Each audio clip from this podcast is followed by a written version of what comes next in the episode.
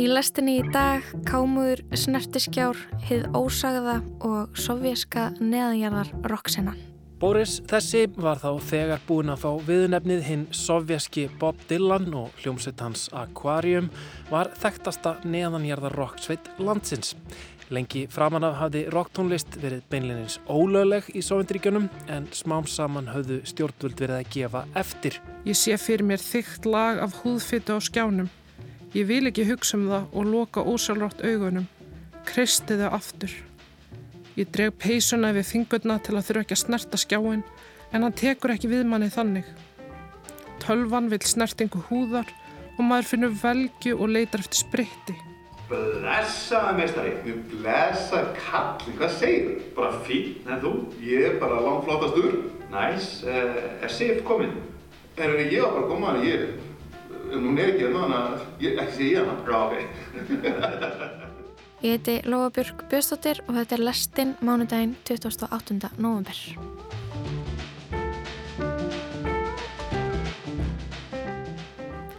Komið sæl, hlustandi góðir.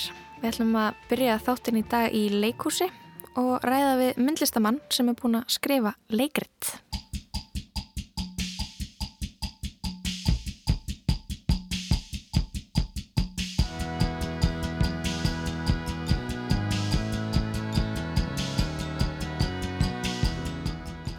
Í dag í Tjarnabíó leggur leikópur lokahönd á undirbúning fyrir frumsýningu á verkinu Hið Ósaða. Frumsýningu sem að einhverju myndu kannski kalla opnun eins og það er kallað þegar myndlistasýningar eru opnaðar. Verkið Hið Ósaða er leikrit eftir myndlistamannin Sigurd Ámundarsson en hann fer einni með hlutverk í síningunni og með honum á sviðinu er reynd sviðslistafólk. Þar verður leikarin Ólafur Áskirsson og Átni Viljámsson, tónlistar og myndlistamæður og meðlemur í sviðslistahóknum Kreðpleir. Kolfina Nikolasdóttir leikstjóri er að þessu sinni hinum megin við borðið og leikur vin í vinahóp sem hefur mælt sér móta á TJI Fridays. Melgorka Gunnborg Bræjansdóttir sem er nemi á Sviðsöndabraut leikur Gengilbeinu á Fridays og Kolbeitt Gauti Freiriksson, lagfræðinemi og besti vinnur Sigurðar leikur mann á barnum.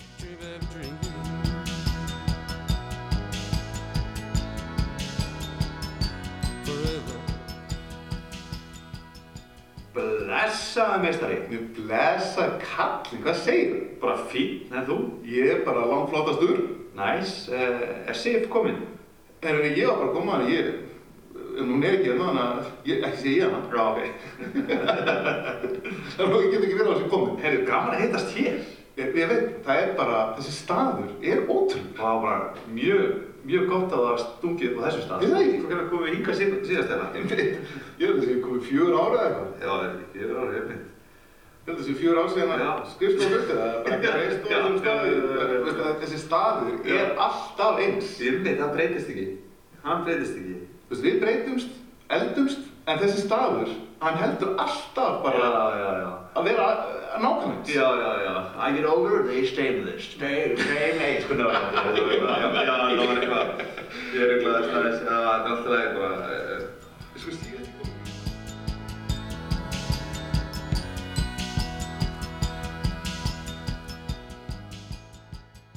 Þetta er brot úr verkinu Hið Ósaða sem að dansar á mörgu þess að vera leikrit, gjörningur og kvikmynd á sviði. Verk sem hefur verið nokkur ári mótun. Ég hitti höfund, framleganda og leikstjóra verksins Sigurð þegar hann var að leggja loka hönd á tæknimál. Við fengum okkur sæti í leikmyndinni á sviðinu í Tjarnabíói og ég baði hann að segja mér frá.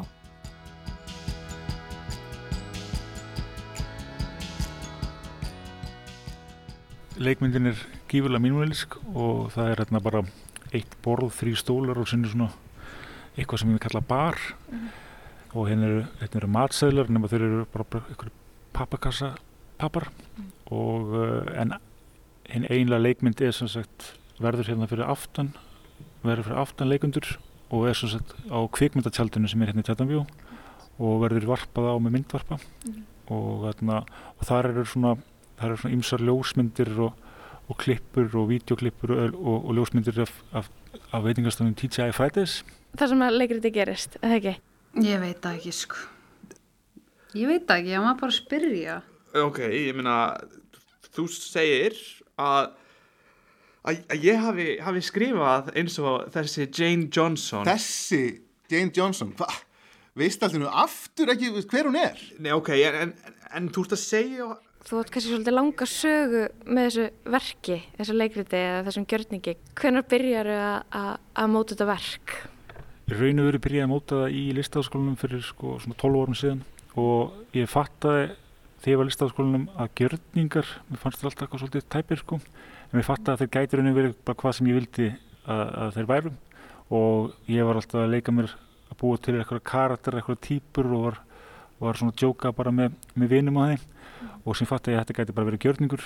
Og sem bara fór ég að gera þessa karaktera og þarna á gjörningarkvöldum og heim á valda þegar það var og síðan 2018 byrjaði að setja þetta eitthvað saman þessar gjörninga og púsla eitthvað smá svona samskiptum með milli eitthvað einstaklinga sem væra á TJ Fridays.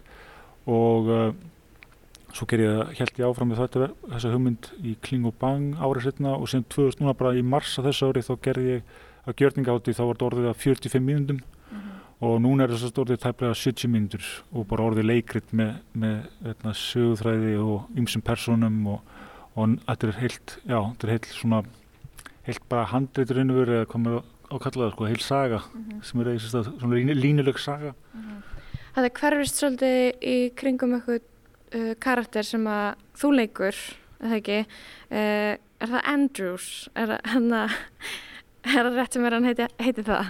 Jú, það er rétt. Hann er, heitir Andrews og ég veit ekki hvort það sé fornafnið hans eða eftirnafnið hans en hann er svona fyrir dæmingerður bandaríkjamaður og hann er klættur hérna í svona víðum uh, kakkibuksum. Mm, er hann tjók?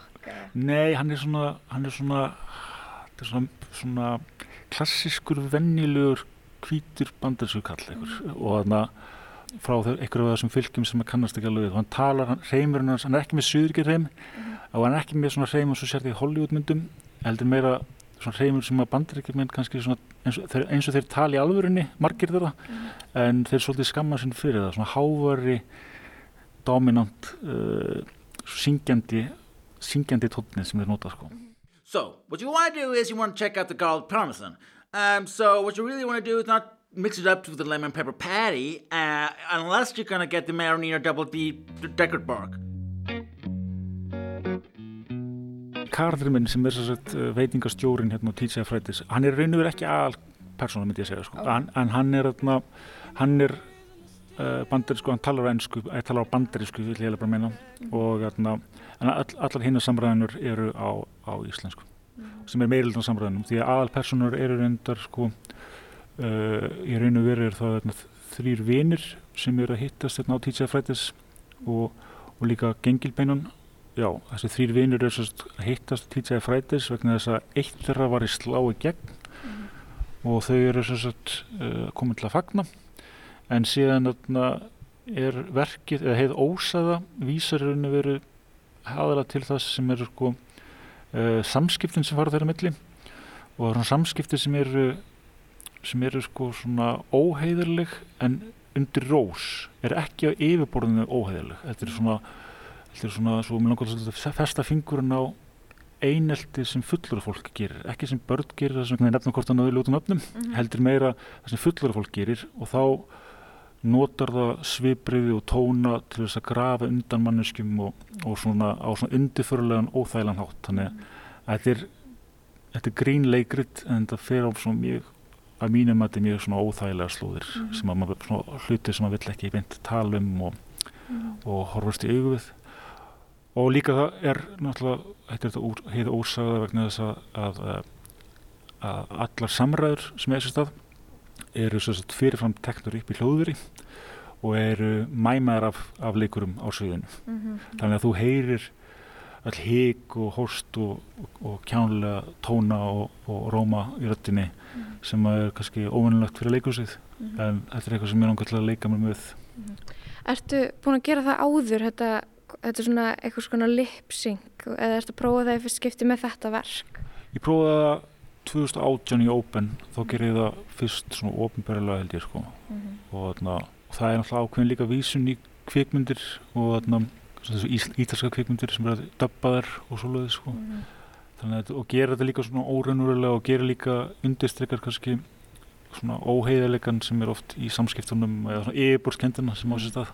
Þetta er líka svona einhver, einhver framand gerfing þegar maður uh, gleymir því ekki að þetta er allt leikið og eitthvað svona, eitthvað svona já, ég, ég fór alltaf að hugsa það praktiska framand gerfingu uh, þegar ég heyrði að þið vera að lipsynga en, uh, en að vera hérna í tjarnabjói svona með að vera í galleri eða eitthvað myndlistarými uh, breytir það ekki svona hvernig maður upplöfur þetta verk? Býstu við að fólk mætinga og búist það að sjá leikrit en, eða, eða ertu kannski bara búin að gera leikrit? Stýgur bara fullur af sjálfsöryggi inn í bara leikhúsið? Já, ég hugsa það sko. Það er góð spurning og þetta var alltaf það sem gjörningur og myndlistaverk en þarna uh, ég einhvern veginn litið á listmiðla svolítið eins og smiður myndi líta verkvari þannig að þú, þú ert kannski ekki bara með hamarinn eða eitthvað, þú ert með aðgang á borðvél og sög og mér langar að gera, mér langar að skrifa smásögur, skálsögur og, og gera styrtmyndir og allt mögulegt, allt mögulegt sko. mm -hmm. en þarna fyrir mér þá lág þetta alltaf bara einhvern veginn þetta var alltaf bara óumflíjanlegt að ég myndi einhvern veginn fara í leikhús eða segja sögur mm -hmm. og uh, ég er alltaf myndlistamæður í grunninn það er alltaf það sem ég er einhvern veginn sko en, uh, en ég ætla að leiða mér að fara í alls konar miðl og mér finnst það, það það stressa mér ekki beint, það meikar, fyrir mér er þetta einhvern veginn bara réttir stuðin og það sem ég á eitt að vera að gera. Mm -hmm. Þú veist okkur núna að exporta þarna myndinni, þannig að það fer einhvern veginn líka útrúlega mikil vinna í veist, þessa mynd, ekki bara handriti og, og textan. Hvað getur þú sagt mér um, um þetta, þess að verður varpað hérna fyrir aftan okkur? Þú veist búin að klippa saman eitthvað svona, eitthvað góða byrjun. Já, þetta er, þetta er svakalega mikil vinna sko, þetta er hljóðið og þetta er vídjóið og, og þarna, já, vídjóið eins og ég segir er alltaf svona, er sviðsmynd og, og líka hún, uh, ljósmyndanar vís oft í það sem er verið að ræða um, eins og ef þeir eru að tala um kjúklingavengi þá kannski með mynd af kjúklingavengum eða eitthvað mm -hmm. þó það sé ekki allan tíman en þarna, það er rosalega gott að hafa svona góðan hóp af leikurum mm -hmm. því að uh, þótt að ég skrifa og leggstýri þessu sjálfur þá, þá er samt sko, það reyðir rosa mikið á uh, skáld hæfileika þeirra mm -hmm. í að mhm. taka handritið á næsta, næsta level mm -hmm. þar sem þau eru að tólkan og, og, og svolítið þróa karakterina með að segja hlutin eins og þau myndi segja það mm -hmm. og slíkt þannig sko. Mhm. En út í að þau eru að þú veist lipsinga og sitja eða eru inn hérna á sviði bara að reyfa varnar, hvernig hvernig leikstýriðum er, er mjög mikilvægt að nái réttir tímasetningu að reyfa varðnar nákvæmlega á sama tíma og, og hljóðið kemur út. Innmitt, sko, það er málið, við viljum hafa það, ég vil hafa það eins vel og hægt er, en samt finnst mér mjög sjármæðandi þegar það hittir ekki, þegar varðnar hitt ekki. Mm -hmm. Aðalega sem er leikstýrið og sem ég er mest að stressi fyrir opnuna mm -hmm. er að ná að fanga alla líkamsreyfingarnar mm. því að rosa mikið af því sem leikrið fallar um eru einmitt lí, líkamsreyfingar það sem að það sem kannski heil mann, ein manneski getur sko tortimt annari mannesku bara með því að nutta augun sín og andvarpa eða svona mm -hmm. úst, hreista hausin hægt og bara akkurat nákvæmlega und, svona, já, graf, grafið undir manneskinu bara með líkamsreyfingunum eða með hreista hausin að horfa á hinnaðalega og gefa í til kynna eitthvað með augunum. Þannig að það er allt sko ég er hérna að orkestra þetta hjá, hjá leikurum að, að fara yfir allt saman og ég með nótur sem að bara reyna, reyna að finstilla allt þetta skiptir rosalega meira máli heldur en að hitta varnar í orðinu raun og veru sko. Mm -hmm. þótt að það sé líka alltaf svona bónus sko. Og þetta er uh, frumsýnt á miðugdæn, hvað ætlar að hafa margar síningar á þessu verki? Er það, það er bara þrjálsýningar 1. desember sem er frumsýningin mitt á miðugdæðin og síðan er 7. desember og síðan er 14. janúar mm -hmm. Erstu með frumsýningar kvíða? Svona, ég er, já, smá ég er aðalega bara spenntur mm -hmm. en þarna, jú, það er smá sko minn karakter, þessi Andrews hann ég gerir mig algjör fýbli sko. okay. þetta er ákveðin svona marsokvismi sem ég kvíðir og svolítið, svolítið mikið fyrir sko. okay. ég veit ekki alveg hvað ég er bara komin út í okay, Það er afhjúpað þig á sveðinu Já, svolítið sko, þetta er svolítið þetta er rosa, eins og það segir ennsku cringe. Við vinna mikið með það. Já. Vinna mikið með kjánrallin Ok, ég ætla ekki að tröfla lengur Sigurður, takk fyrir spjalli, ég ætla ekki að fá að spjalla við Ólaf Áskísson sem er að leika í verkinu.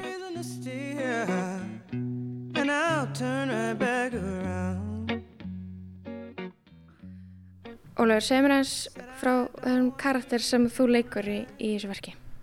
Já, hann heitir Gummi eða Guðmundur og hann er fræðimæður og hann er nýbúin að gefa út grein í The Atlantic og þau eru þrýr fræðimenn eða eitthvað svona uh, upper middle class hérna fræði fólk sem hittist á TGI Fridays og er að fagna þessar grein og svo svona fyrir aðeins að grafa undan vinnarsambandinu. Mm -hmm. Hvernig gengur þér að æfa lipsyngið? Uh, ég er ekkert mikið að stressa á því sko. Ég er bara hlusta á þetta og svona hægt rólega finnst mér þetta bara koma til mín sko. Líka því að við fengum svona frelsi til að spinna þetta þá, þá er það náttúrulegra. Mm -hmm. Þá man maður betur hvað, hvað maður var að spinna. Mm -hmm. Hefur það leikið í þessu verki áður eða? Nei, það var sínt í listasafninu. Mm -hmm. Og séð það? Ég séð upptöku að því og mér finnst það mér fyndið. Og mér finnst ótrúlega gaman að vera inn í tjarnabíó að fara frum sína verk og það er alltaf verið að tala um að það sé opnun. Mér finnst það eitthvað mjög svona lýsandi fyrir, fyrir eh, svona myndlistar hérna keiminn á þessu. Mm -hmm. og ég held að þetta sé líka eitthvað sem að engin leikúsmaður myndi endilega komitta í að gera eitthvað svona lipsing verk. Það getur verið eitthvað svona þryggja mínna atriði í síningu hjá einhverjum mm -hmm. eða eitthvað, ég veit það ekki en Það verður svo fristandi að gera eitthvað annað. Líka. Já. Að, veist, að nota leikhús, leikhús líkamann, röttina, allt þetta. Leikhúsfólk myndi kannski fristast til þess. Já, þetta er mjög þægileg síning fyrir leikara af því að maður er bara kvíla röttina mm -hmm. Þannig að þið eru búin að taka upp allan díalógin Já, það var svona, myndi ég segja uh, svona aðalvinnan að ná okkur svona réttum tónum og svona réttri svona réttri leið í gegnum handritið. Mm -hmm. og svo er hitt svolítið bara svona einmitt, einhverju núansar að, sem að sig gera stjórna. En það er svo þægilegt að því að það er búið að basically eh, neglaða hvernig allt er sagt. Þannig að það er mjög, mjög, mjög hérna, þægilegt að, að æfa þetta verk. Að því að það er bara eitt að play og það er enginn að fara að stoppa og segja heyrðu, ah, ég man ekki hvað ég átt að segja hér eða hérna, vitu, ef að prófa þetta svona? Þú veist, þú getur ekkert stoppað. Það er bara, Ó, er bara playback, skilur mm -hmm, uh, Nú ert þú inn í verkinu og hvað myndur þú segja að þetta verk væri um? Ég myndi segja að þetta væri svona um einhvers konar gaslýsingu fullorðins einelti.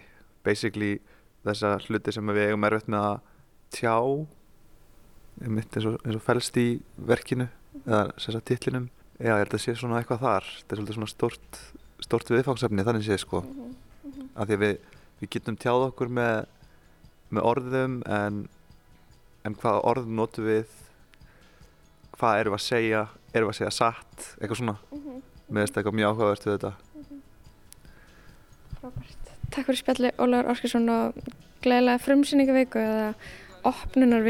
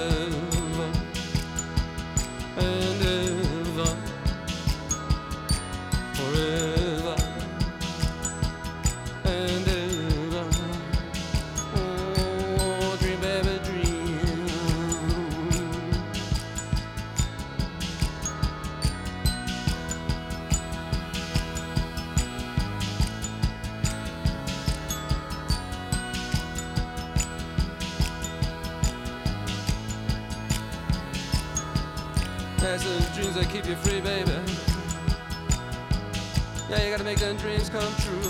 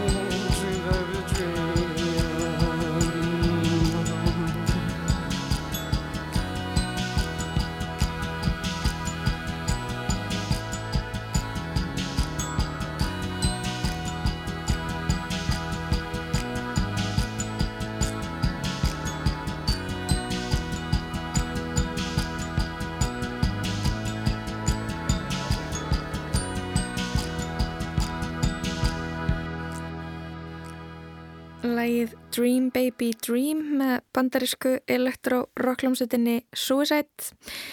Við rættum þar á undan við myndlistamannin Sigurd Ámundarsson og leikaran Ólaf Áskirsson en þeir munu frumsýna leikritið Þið Ósæða núna á 5. daginn 1. desember í Tjarnabíó. En við ætlum að hvaðja leikhúsið í bylli og snúa okkur að tækninni. Inga Björk, Margreðar Bjarnadóttir, listfræðingur, föllunaraktivisti og starfsmöður Þróskjálpar ætlar að flytja pisla hérna í lestinni vikula á mánudum næstu vikunar um föllun og tækni en hún byrjar á því að fara á pósthúsið.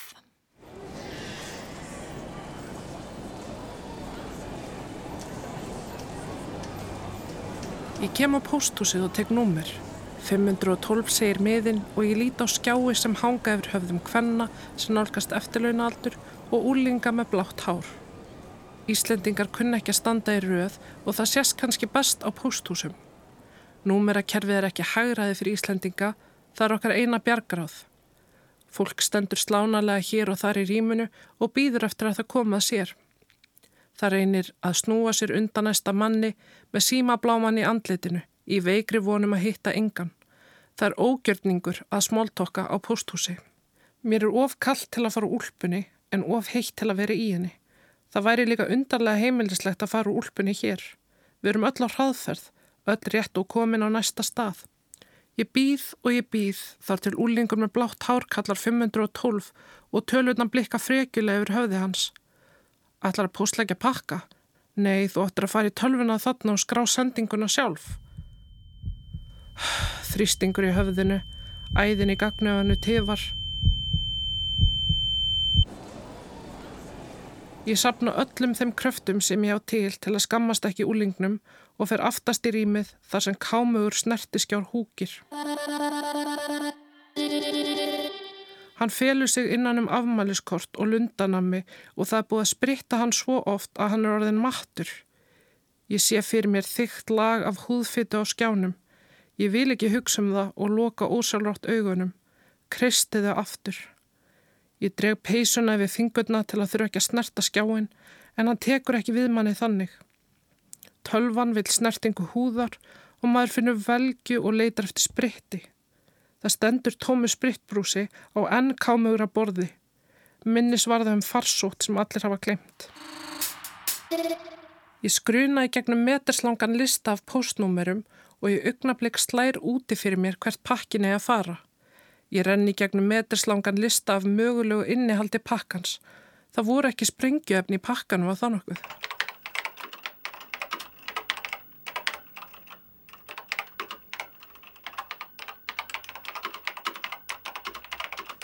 Símanúmer, kennitölur, pinnúmer, rafrænskilriki, tólstafa líkilor sem er stafasúpa en appið sem geymir þau er alltaf að frjósa og þú þarfst að muna líkilorð foreldraðina af að þíns eiginmanns ömmusistuðnar. Vallar gerði 1, 2, 3 eða var það 1, 2, 3, 4, 5. Stór stafur, lítill stafur. Ég er ekki orðin þrítug og ég er með tekni örmögnun. Ég er með ógjafði að sitja við skjá 8 tíma á dag í vinnunni og fletta svo ennþá minni skjá í aðra fjóra. Ég kom með ógjafði að tala við vjálmenni þegar ég þarf að fá einfaldar upplýsingar frá ríkistofnun. Ég kom með ógjafði að líta á næsta borða á kaffhúsi og horfa á bláman í andlitum lítilla barna með störuflóð sem kunna bara segja litina á ennsku. Ég er komið ógjafði að skanna QR-kóða til að skoða matsela á pínu litlum skjá. Ég kom með ógeð á að fylgjast með blóðbaði og byltingum í bytni útsendingu hinum einn á nettinum sem er svo fyllt beint á eftir með myndskeiði af luppalögum hundi sem hefur tekið lampi fórstur. Við virðumst ekki geta horst í augu við það að ólýsanlegu sársöki eigi sér stað hjá fólki sem deilir með okkur þessari jörð án þess að því sé pakka inn í fimmfaldan bómul, án þess að við í hínum vestrana heimi fáum eitthvað sem veitur okkur fró í allir sorginni, svona rétt í lokin á frettatímanum. Ég er með tækni örmögnun og skoða í leini myndir af ennskum kótum í skjólsælum sveitaþorpum á Pinterest og ég þrái samfélagslega afturför, en bara í leini. Ég þrá óljulampa á vósbúð, það getur ekki verið verra en þessi sjálfvilju tæknilegi heiladauði. Jú, líklega var það verra að norpa í torfkofa með tíu berglaveik börn, en þetta er samt vond. Ég las í haust greinum bandariskan háskólaprofessor sem hafði varið tögum klukkustunda í að lesa yfir rítgerðir nefndasrinna og gefa þeim umsagnir og endurgjöf. Síðar komst hann að því að allir nefndunir hefði notað gerfigrein til að skrifa rítgerði sínar frá grunni. Mér fellust hendur. Er eitthvað jafn deprimerandi jafn mikil vannverðing við þann stutta tíma sem við höfum hér á jörðinni og að láta manneski af holdi og blóði sitja og lesa yfir rítgerðir skrifaðar af tölvum.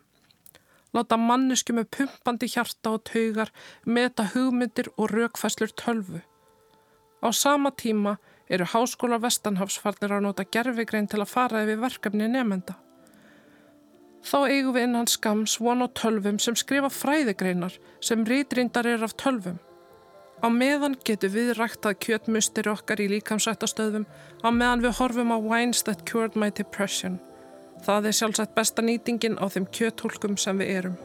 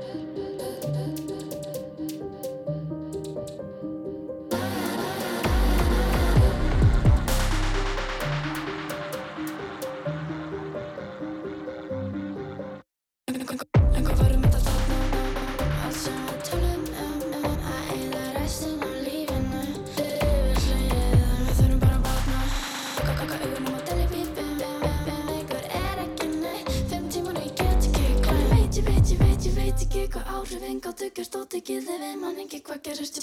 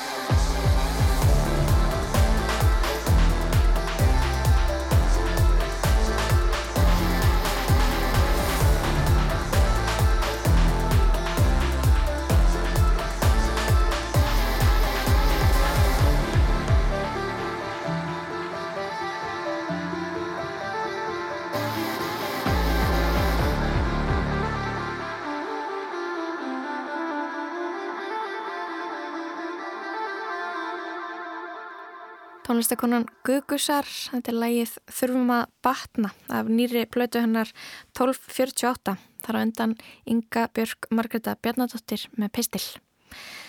En næst ætlum við að kíkja í kistuna og flytja efni frá því í aprili fyrra.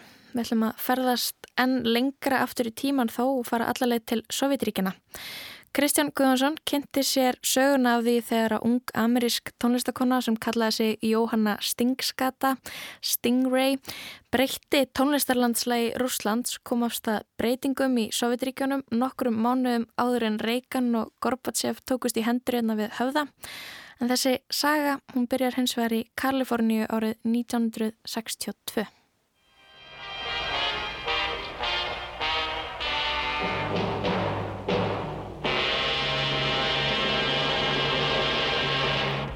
In the traditional motion picture story, the villains are usually defeated. The ending is a happy one. I can make no such promise for the picture you're about to watch. The story isn't over. You and the audience are part of the conflict. How we meet the communist challenge depends on you. Árið er 1962, Ronald Reagan er tiltula lítið þekktur bjömyndaleikar í Hollywood með æg meiri áhuga á stjórnmálum. Hér í þessari mynd fær hann hins vegar hlutverk sem hann finnur sig vel í og eftir að endurtaka síðar á sínum pólitíska ferli. Hann er að tala um ógnir kommunismans. Karl Marx, who developed the basic theories of communism, was a sick man most of his life. Sick in body and spirit. Þetta er áráðursmyndin The Truth About Communism, sannleikurinn um kommunismann sem var sínt skólabörnum víða um bandaríkin á sjönda áratögnum. Framleiðandi myndarinnar og hugssjónamaðurinn á bakviðana var Sidney Fields, skemmtana bransakall, harður antkommunisti og hatursmaður Sovjetríkjana. Their target is us. Our institutions, our religions, our families, our children.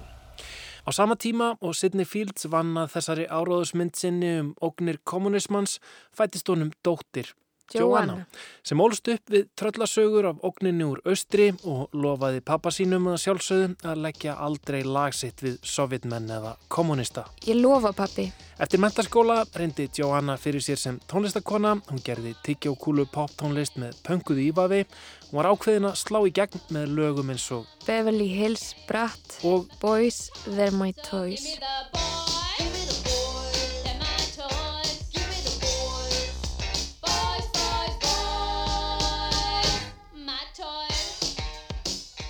Undirtektirnar voru litlar, tónlistaferillin gekk ekki jafn vel og hún hafði regnað með. 23 ára var hún komin í krísu. Tilvistar krísu.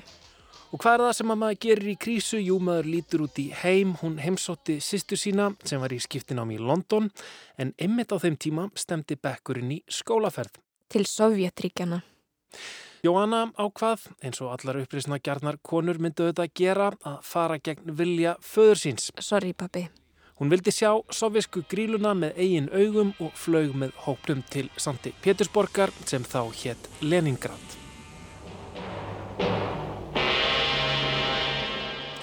Gegnum rúsneskan kærasta vinkonir sinnar fekk tónlistakonan unga símanúmerið hjá kollega sínum í Leningrad.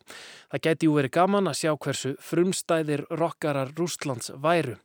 Eitt daginn lögmuðust þær sýstur úr einni skoðunaferðinni stungu af til að hitta tónlistamannin unga sem hétt Boris Grebenshikov. Þau laumuðu sér heim til hans á samt hópi Vina, Joanna, hinn stolta Beverly Hills Bratt, lefði Boris að heyra sína einföldu pop-punk tónlist. Fullviss um að fortfálegu rúsin myndi vera upprifin yfir vestrætni snildinni. Hlustaði á þetta.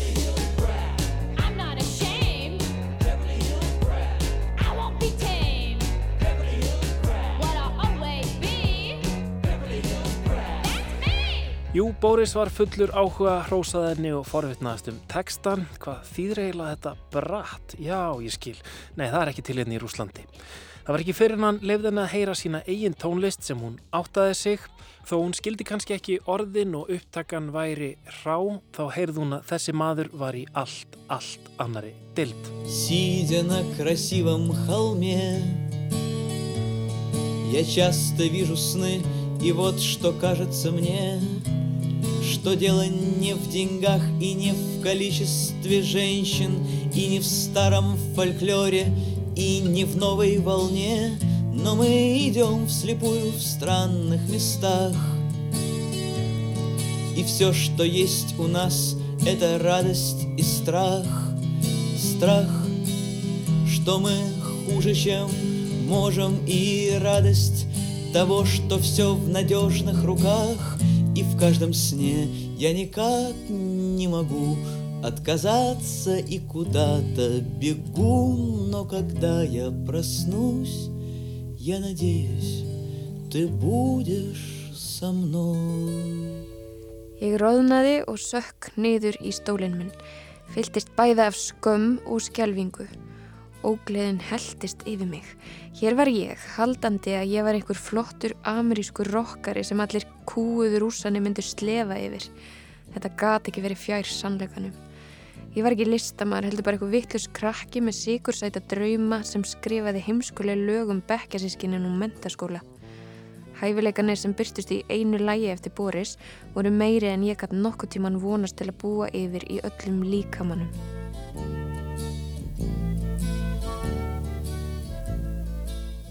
Boris þessi var þá þegar búin að fá viðnefnið hinn sovjaski Bob Dylan og hljómsveit hans Aquarium var þekktasta neðanjarðar rocksveit landsins. Lengi framan af hafði rocktónlist verið beinleginins ólögleg í Sovjendríkjunum en smám saman höfðu stjórnvöld verið að gefa eftir. Opimberar rocksveitir voru nú gefnar út hjá ríkisreknu útgáðufyrirtæki en tónlistin, myndböndin og allt útlitt var rittskoðað og því rittstýrt með þjóðar heil og framgang kommunismans að markmiði. Boris Grebenshikov hafði staðið til bóða að gera slíkur opimber rocktónlistamæður ríkisins en hann vildi ekki gangast undir rittskoðunna. Það þýtti hins vegar, hann starfaði neðanjarðar, mátt ekki gefa út eða selja tónlist sína, ekki koma fram á tónleikum á ofnbörum vettvangi og gatt við ekki fengið greitt fyrir vinnu sína. Þráttur að vera orðin landsþektur, dáður og dyrkaður af sovjeskum ungmennum þurfti Boris, eins og aðrir neðanjarðar rockarar, að hafa aðra atvinnu en tónlistina. Þeir fundu sér því auðveld og ábyrðalítil störf sem gáð þeim nægan tíma til að hanga og skapa list Двигаться дальше, двигаться дальше, как страшно двигаться дальше. Frelsið í sovjesku tónlistarlífi hafði vissulega aukist mánuðina og árin og undan. Tónleikar höfðu lengi vel bara farið fram í heimahúsum. En nýlega hafði opnað fyrsti rock tónleika staðurinn í landinu þar sem óopimberar hljómsveitir máttu koma fram. Það vissu allir að Leningrad rockklúburinn var reikin af leinuþjónustinni KGB til þess að hafa auga með og yfirsýn með rockurunum, gefa þeim smá plás til að róa þá aðeins, en rockararnir voru enga síður sáttir. Þanga mætti Joanna Fields með sýstu sinni til að sjá nýja vinsinn Boris spila og þá áttaði hún sig á því. Hann er ekki sá eini. Heldur væri þar heil sena uppfull af pöngari orku, sköpunarkrafti og frumleika.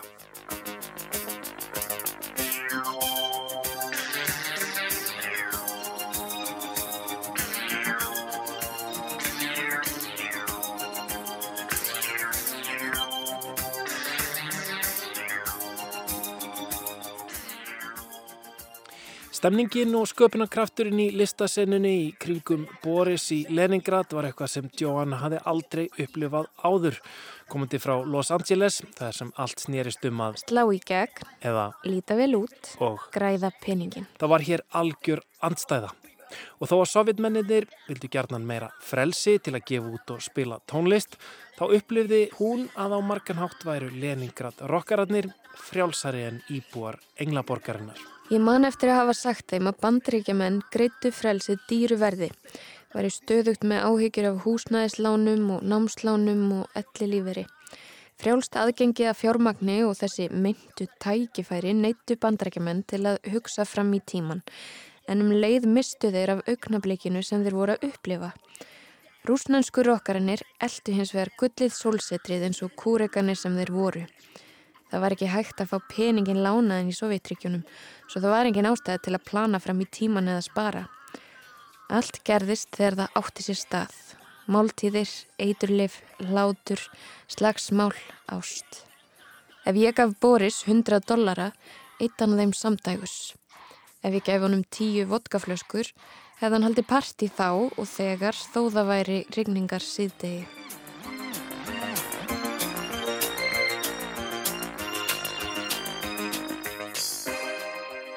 Unga ameríska tónlistakonan Joanna var gjörsamlega ástfungin af list og lífsviðhórum rockarana í Leningrad og í þokkabót var hún orðin ástfungin af einum rúsanum. Júri Kasparian og hann er gítarleikari í hljómsveitinni Kínu.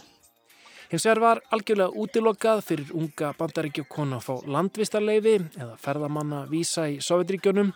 Eina leiðin til að komast inn var að fara í skipulaðar ferðir, gerðar út af mentastofnunum eða fræðsluhópum. Og til að komast á snóðir um slíkar ferðir og sapna sér peningum, fekk Johanna sér vinnu. Á ferðarskrifstofu í LA. Næstu ár flakka hún milli bandaríkjana og Leningrad í skipulöðum hópferðum en þóttist alltaf vera veik þegar halda átti út í rútu og hjekk í staðin með vinum sínum, gerði með þeim tónlist og sótti tónleika í rockklúpi Leningrad borgar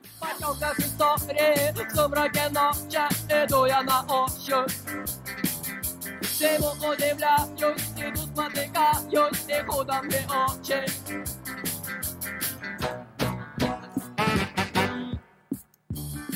Hún tók það að sér að smigla inn hljóðfærum og ýmsum græjum frá Vesturlöndum fyrir víðni sína austantjált. David Bowie samtækti meira að segja að borga fyrir nýjan fendir stratokaster gítar fyrir Boris en Bowie hafi komist í kynni við tónlist Aquarium eftir krókaleðum. Alltaf var hætta á að landamæra verðirnir gerðu græjurnar upptækar. Helvitis verðinir. Svo Joanna og rúsneskir vinurinnar þurfti að beita frumlegum leiðum til að fela græjurnar og ljúa um ástæður innflutningsins. Fljótlega fór hún svo að smikla út upptökum hínaleðina frá austri til vesturs með það fyrir augunum að gefa út plötu. Vínilplötu með rúsnenskri rock tónlist. Útgáðan var svo háleinileg að þegar átt að ræða hana í síma eða brefum notuðu þau leininöfn. Johanna kallaði sig Sting-skötuna eða á ennsku Stingray og er hún ennþann dag í dag þekkt undir því nafni. Tvöfalda saplatan, Red Wave, Rauð Bilgjan, fjórar neðanjarðar rocksveitir frá Sovjetríkjónum kom út hjá áströlsku indie útgáfinni Big Time Records í júni árið 1986. Fjórar ólíkar rocksveitir með eina lið hver og framan á stóðu frontmennir fjórir, eitur svalir í rúsneskum kuldanum og fyrir aftan þá kliftinn Dómkirkja Heilags Basils í Moskvu með sínum litriku laug þökum. Þannig var Boris Grebenchikov með hljómsveit sinni Aquarium, þannig var glam punksveitin Alisa, ska-rockararnir í Stranje Igri eða Skrítnir leikir og svo hljómsveitin sem átti eftir að verða svo allra stærsta í Sovjetríkjónum, Kino. Мы вышли из дома, когда во всех окнах погасли огни Один за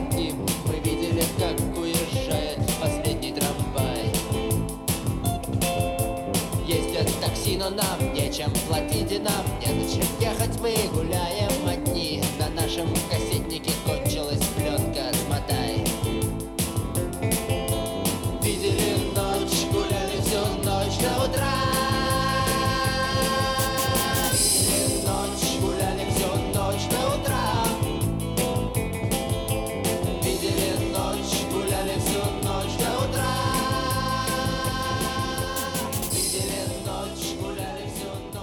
Þó að platan hafi ekki orðin einn metsölu plata á Vesturlöndum vakt hún nokkra aðtegli meðal tónlistar áhuga fólks. Myndbönd sem Johanna Stingray tók upp með hljómsveitunum voru spiluð á sjómanstöðum og hún rataði í fjölda viðtala.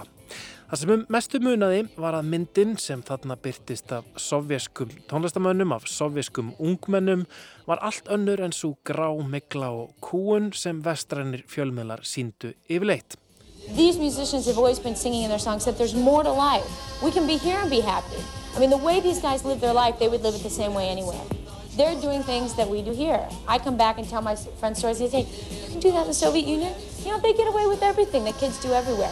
So that is really the message in their songs. Þannig var leikandi létt fólki í litrikum fötum að spila upplýkandi tónlist með textum sem hvorki hömpuðu kommunismannum nýja beindust gegn stjórnvöldum í Sovjetríkjónum. Tilveran í Sovjet var greinlega ekki bara þjáning, heldur var þarna líka líf og orka. Já, það vakt ekki síst aðtegli að sveitirnar höfðu lítinn áhuga á því að flýja hérna meintu ömurð í Sovjetríkjunum, syngja á ensku eða slá í gegn í bandaríkjunum. Þeir voru rússar og vildu búa þar og syngja fyrir sitt fólk, þó vissulega væri fínt að geta gefið út og fengið borgað fyrir tónlistina. Yfirvöld í Sovjetríkjunum voru hins vegar langt frá því að vera sátt, en það leiti þetta frekar vandræðilega út fyrir þau, þannig voru hæfileikaríkir tónlistamenn sem fengu ekki að gefa út tónlist sína í eigin landi, þurftu að halda sig neðanjarðar og smigla músikinni til Vesturlanda til að fá viðurkenningu.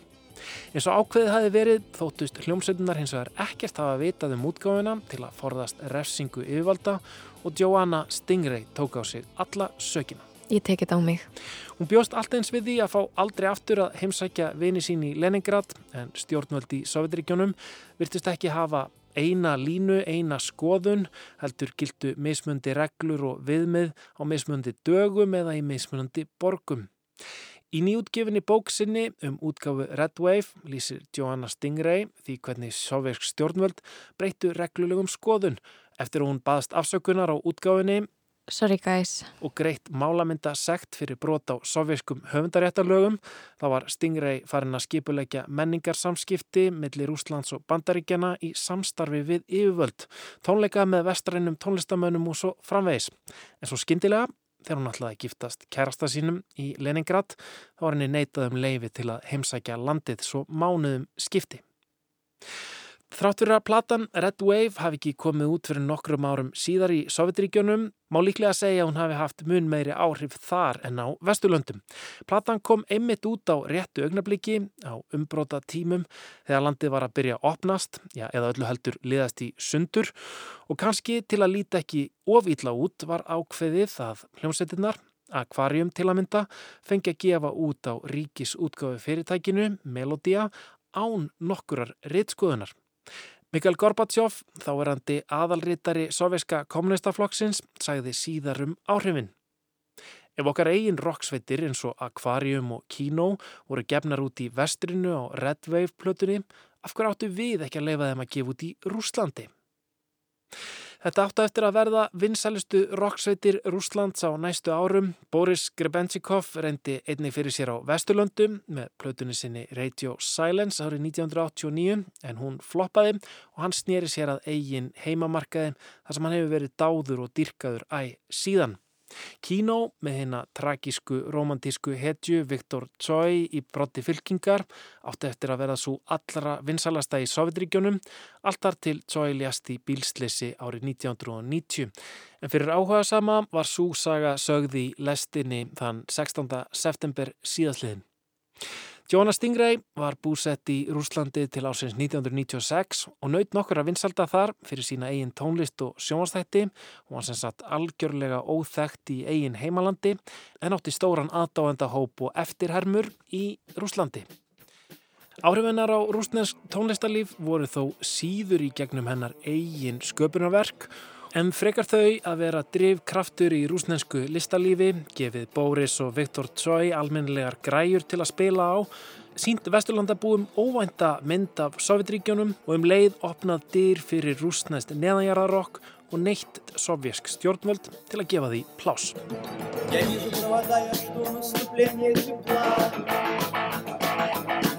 Кажется порой, что я из стекла и ты из стекла. Часто мне кажется что-то еще И мне снится пепел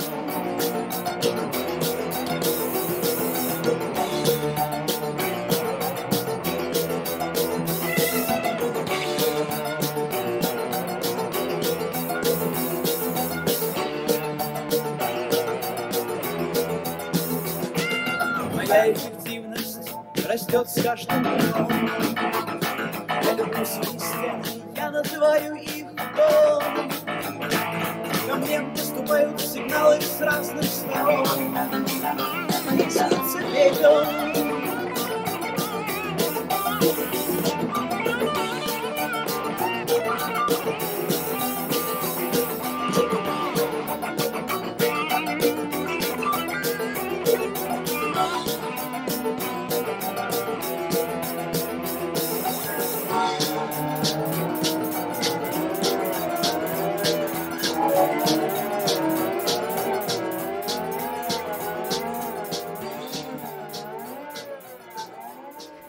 Hljómsveitin Aquarium leið Aska af plötunni Red Wave frá árunnu 1986 en það var samplata með tónlist fjögura neðanjörða rocksveita frá Sovjetiríkjónum. Þetta var í fyrsta skipti sem að Vesturlandabúar fengu að heyra gróskuna í sovísku rocksveitinni þegar þessi plata kom út.